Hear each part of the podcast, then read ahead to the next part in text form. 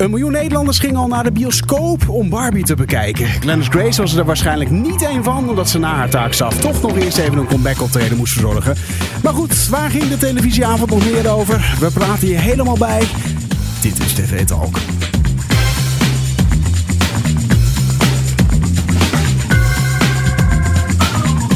En van harte welkom hoor bij een nieuwe aflevering van TV Talk. Dit is de podcast die iedere dag bijpraat over wat je hebt gemist op de Nederlandse televisie.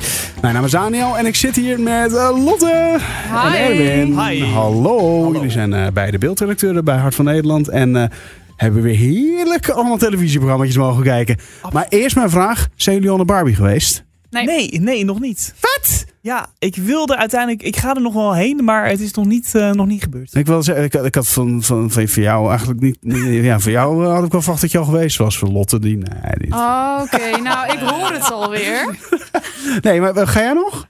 Nou, ik sta niet te springen. Niet? Nee, maar weet je waarom? Omdat iedereen staat te springen. En dan heb ik al zoiets van, laat maar, ik wacht wel. Oh, jij bent zo'n alternatief meisje. ja, dat zo dan weer. Ja. Oké, oké, oké. Nou ja, goed. Maar Oppenheimer wel gezien al?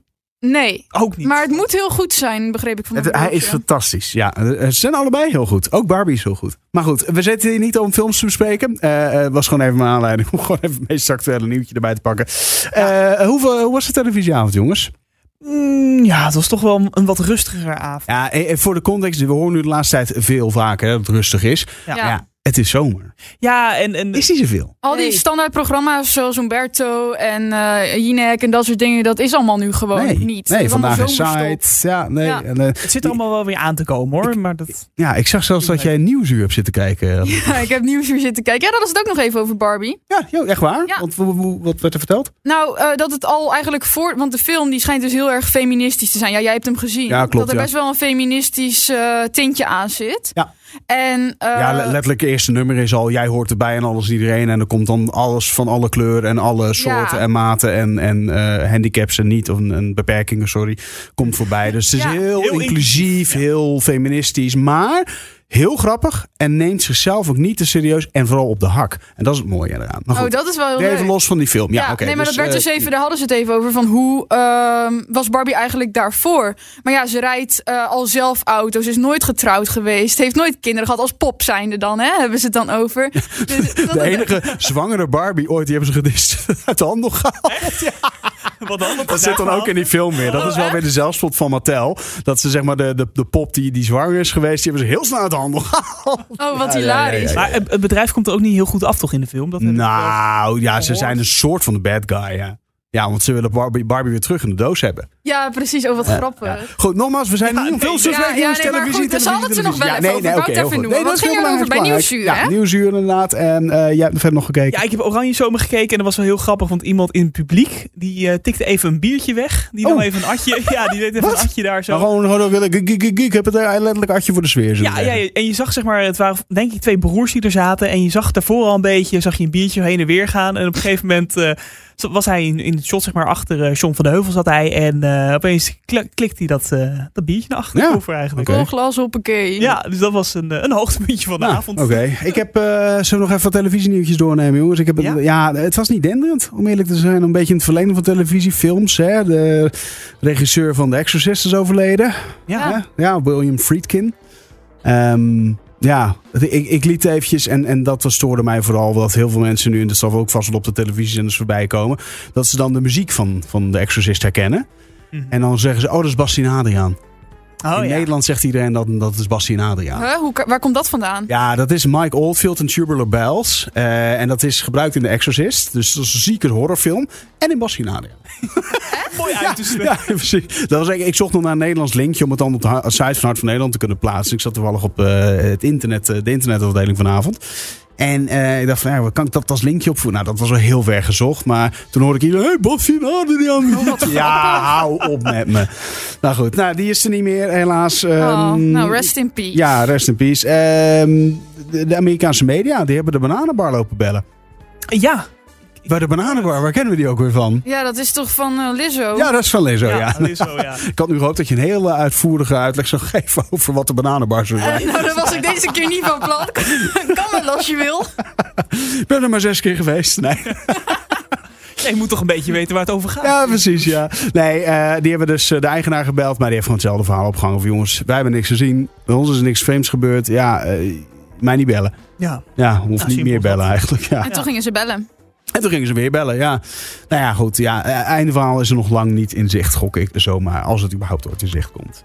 Ehm, en nog eventjes uh, kijkcijfertjes. Ehm, ik vond het wel grappig, Erwin. Ik um, heb jou, uh, ik heb jou meestal smiddags, of degene die de podcast met mij opneemt, heb ik smiddags even vast wat linkjes of berichtjes van, daar wil ik het wel even kort over hebben, weet je wel. Ja, dus ja. stuurde ik naar jou 660.000 kijkers voor de Nederlandse, de, de Oranje Leeuwinnen tegen Zuid-Afrika. Om vier uur s'nachts was die wedstrijd. het inderdaad. 660.000, meer dan, ruim meer dan een half miljoen mensen hebben zitten kijken. En toen heb jij terug. Ik heb het ook gezien. Jij bent wakker gebleven. Nou, ja, ik, ik, heb een, ik heb een stukje gezien, moet ik heel eerlijk zeggen hoor. Alleen begin, het eerste doelpunt. Eh, want ik was, uh, het was zaterdagavond, ik was met mijn Ja. vriend even, had ik een biertje gedaan. En toen eh, wilde ik naar bed gaan. En toen dacht van, vier uur, volgens mij Ah. begint dan een voetbalwedstrijd. Oh. Jij kwam stom dronken thuis. Ik zet de gewoon- televisie aan. Ah, Ik had een hij rolde achteruit de bank af. Ja, Maar kwam zat niet ik- meer naar zijn bed toe.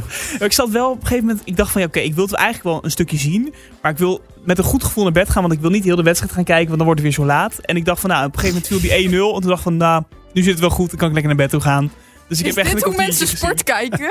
Ja, maar ik had er een goed gevoel bij. Dus, Oh. dus wat toevallig dat ik dat zag. Goed gevoel. Ik ben zo blij voor je. Ah, ik heb genoten van een Goed gevoel. wedstrijd. Goed. Anyway, oké. eh, nou ja, en eh Ariep, mijn zomergasten, die had ook nog eh na een beetje de soortgelijke cijfer. 637.000 best bekeken afleveringen tot nu toe van zomergasten.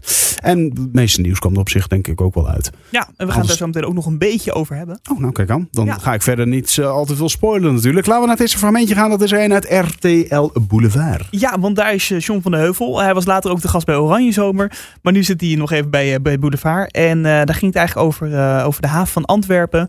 Dat daar heel veel eh, jongeren uit Nederland eh, ja, drugs uithalen en daarmee bezig zijn. En dan waarom er heel veel jongeren uit Nederland dat doen. zo makkelijk voor die drugsbaronnen om die Nederlandse jongens te ronselen? Ja, dat gaat eigenlijk om eh, heel, heel simpel en primair om, om eh, geld. En om eh, jongeren onder druk te zetten. dus door, door ze in bepaalde situaties te brengen waardoor ze eigenlijk geen nee kunnen zeggen. En wat Farouk zei in die reportage, dat klopt ook eigenlijk wel. Het is, het is gewoon kanonnenvlees. Het interesseert de organisatoren of de tussenpersonen die die jongeren dan ronselen en inzetten. Eigenlijk geen bal wat ermee gebeurt. Het is natuurlijk meegenomen als ze doen wat ze opgedragen krijgen. Dus een, een aanslag plegen of drugs uithalen uit de container. Maar als ze worden gepakt, eh, nou vaak weten ze eigenlijk niks te vertellen over hun opdrachtgevers. Dus ze vormen geen gevaar voor, voor, die, voor dat middenkader of de hogere jongens. Die, die eh, kopstukken zitten vaak in Dubai of in Turkije. En op die manier eh, vindt dat allemaal plaats. Maar is dat ook de reden dat ze voor Nederlandse jongeren kiezen en, en het over Nou, die, die, hele infrastructuur structuur en die logistiek is in Nederland al, al veel meer ontwikkeld en in de praktijk beproefd gebleken eh, dan in België. Dus, dus, en organisaties vanuit Nederland maken vaak gebruik van eh, bijvoorbeeld de Antwerpse haven. En die, zijn, die hebben dus ook dat voetvolk beschikbaar om eh, die bomaanslagen te plegen in, in, in Antwerpen of in andere steden in België. En dat, kijk, ze, ze ronselen jongens van 15, 16, 17 jaar soms. En die krijgen dan de opdracht, eh, ja, ga daar wat vuurwerk afsteken. Nou, die, weten, eh, die hebben geen flauw benul wat ze nou eigenlijk moeten gaan doen. Daar krijgen ze dan 500 of 1000 euro voor. En dan vervolgens eh, mo- mogen ze ook niet terugkomen zonder die opdracht te hebben uitgevoerd.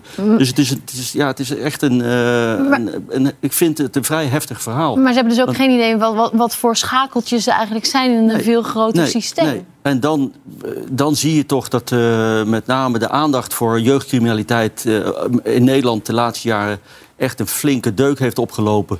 Eh, wat je ziet is dat er eigenlijk een hele slechte informatiepositie is van, van opsporingsinstanties eh, in wijken waar deze jongeren geronseld worden.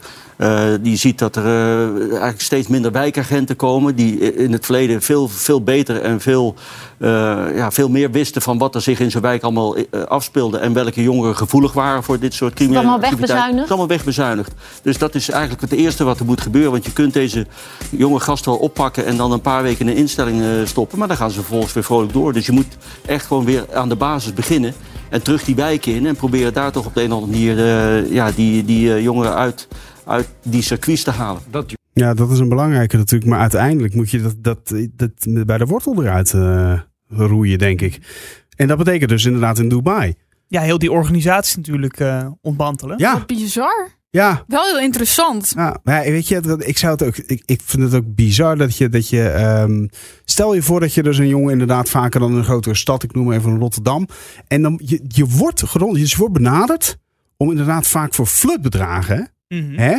Voor, voor een, een, een. Maar voor de jongens is dat heel ja, veel geld. is het heel veel geld, inderdaad. Maar je leven staat vaak op het spel. Want een politie gaat niet zomaar schieten. Maar als ze op een gegeven moment gaan schieten, ja, dan, dan is het natuurlijk gewoon eh, hè, spelen met je leven. En meestal dan, dan heb je, krijg je er eerst iets voor terug of dan heb je iets gekregen. Dus dan moet je dat een soort van... Ja, en zal dan de, weer- eerste, de eerste keer zal wel een makkelijk klusje zijn Ja, natuurlijk. Hè? ja. Even iemand, eh, weet ik veel wat, heel makkelijk. En dan de tweede keer, dan wordt het een aanslag plegen. Nou, stel dat explosief afgaat in je handen.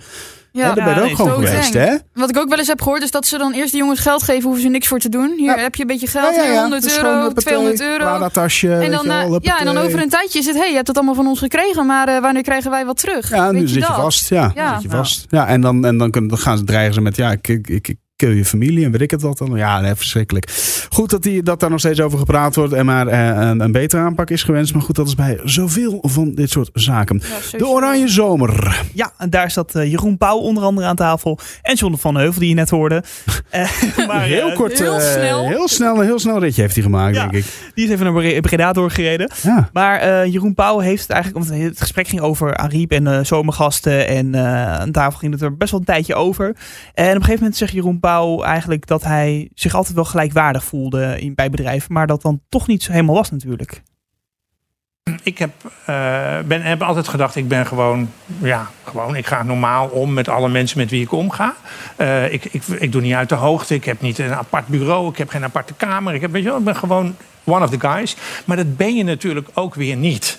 En ik weet wel dat ik toen ik wegging bij RTL Nieuws, eh, toen had ik daar elf jaar gewerkt. En toen kwam er zo'n fotoboek met allemaal van die fotootjes en verhaaltjes erbij. En er stonden daar van een paar mensen, stonden daar van die zinnetjes in. Oeh, wat was ik in het begin, was ik best wel bang voor jou. Of, oeh, wat kon je scherpe grappen maken. En dat realiseer je niet, dat, een, dat jij kan wel denken dat je gelijk bent met de ander, maar de ander kan jou op een ander niveau plaatsen. Kan je kan toch denken, ja, maar hij is toch de baas of de presentator of wat dan ook. En dat, zijn stem is toch belangrijker dan de mijne. En dat heb ik me toen, dus alweer 23 jaar geleden, wel nog meer daarna gerealiseerd. Van, ik kan wel denken dat het normaal is, maar het kan voor die ander toch niet als gelijkwaardig worden gezien. Ja, en het is eigenlijk belangrijk voor iedereen die in dit vak zit, of trouwens waar Ja. je ook zit, Ja, in welke ik, branche, eh, dat je dat in ieder geval Moet realiseert. jij nog steeds eh, intimiderend overkomen? ik ook.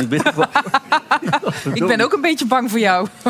maar geeft niet hoor, Ja, jongens. dat is een kwestie van had eh, veel naar de sportschool, hè? Obers eens moeten zien vandaag eh, aan onze tafel. Knipmessen, hè? Ja, ja, ja. ja. Ben jij? Ja, nou, een leuk geintje inderdaad op het eind. En soms is dat ook wat er een beetje moet gebeuren. hè. Een beetje relativeren. Want eh, ik, ik zeg altijd tegen jullie, ik ben letterlijk jullie gelijke. Ik ben niet jullie die de baas of chef of weet ik het wat. Hè. Dat is helemaal niet zo. Maar soms, is- soms is, dat, is dat niet helemaal duidelijk natuurlijk. Hè. En zoals, hij dan net zegt, dan vind je zo'n zo'n zo'n shift of zo'n eh bedank uh, zo'n afscheids- of zo. Of ja, iets- ja. Ja, en dan hoor je dat ineens. Maar En, wel ja. een mooi inzicht wat, je daar dan, wat hij daar dan uit mee heeft genomen. Ja, maar terwijl dat ab- absoluut natuurlijk niet zo bedoeld is. En als jij gewoon snelle, snedige, goede grapjes kunt maken. Ja, is dat per se dan gelijk verkeerd? Er er zal niet om over geklaagd zijn natuurlijk. Maar wel zo van, oeh, ik was in het begin bang voor je. Ja, en, het, is, het is toch een bepaalde naam. En als jij denk bij zo'n bedrijf binnenkomt, dan denk je van, oh, nou, dat is toch wel de grote Jeroen Pauw. Misschien Ja. dat je dat, dat, dat gevoel krijg je misschien wel Ja. snel. En kijk, als, ja, als je Pauw bent, dan denk je daar niet zo snel over na. En dan als nieuwe mensen komen, oh, nou, gezellig, leuk. En dan ben je gewoon jezelf. Maar dat Ja. kan wel... Weet je, vaak zeggen ze ook dat een eerste indruk heel belangrijk is. En misschien is dat ook wel iets om voor veel mensen om daaraan te werken. Kijk, wat ik probeer, althans vaak, is om mijn eerste indruk gewoon heel goed en gemoedelijk te laten zijn met een grapje. Gewoon een leuk grapje.